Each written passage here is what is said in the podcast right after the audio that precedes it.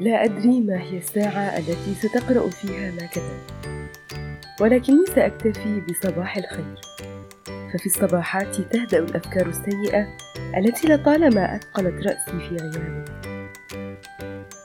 إلى صديقي في البلاد البعيدة القابع في قلبي أبد الدهر أشعر أنني أعود لعمري الصغير وعقلي التافه جدا.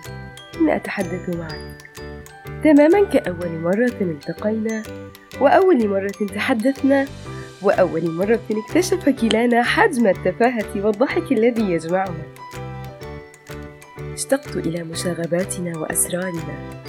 اشتقت لرأسي الفارغ من كل شيء سوى تلاقينا إلى صديقي البعيد القريب. أتمنى أن تكون دائما بخير.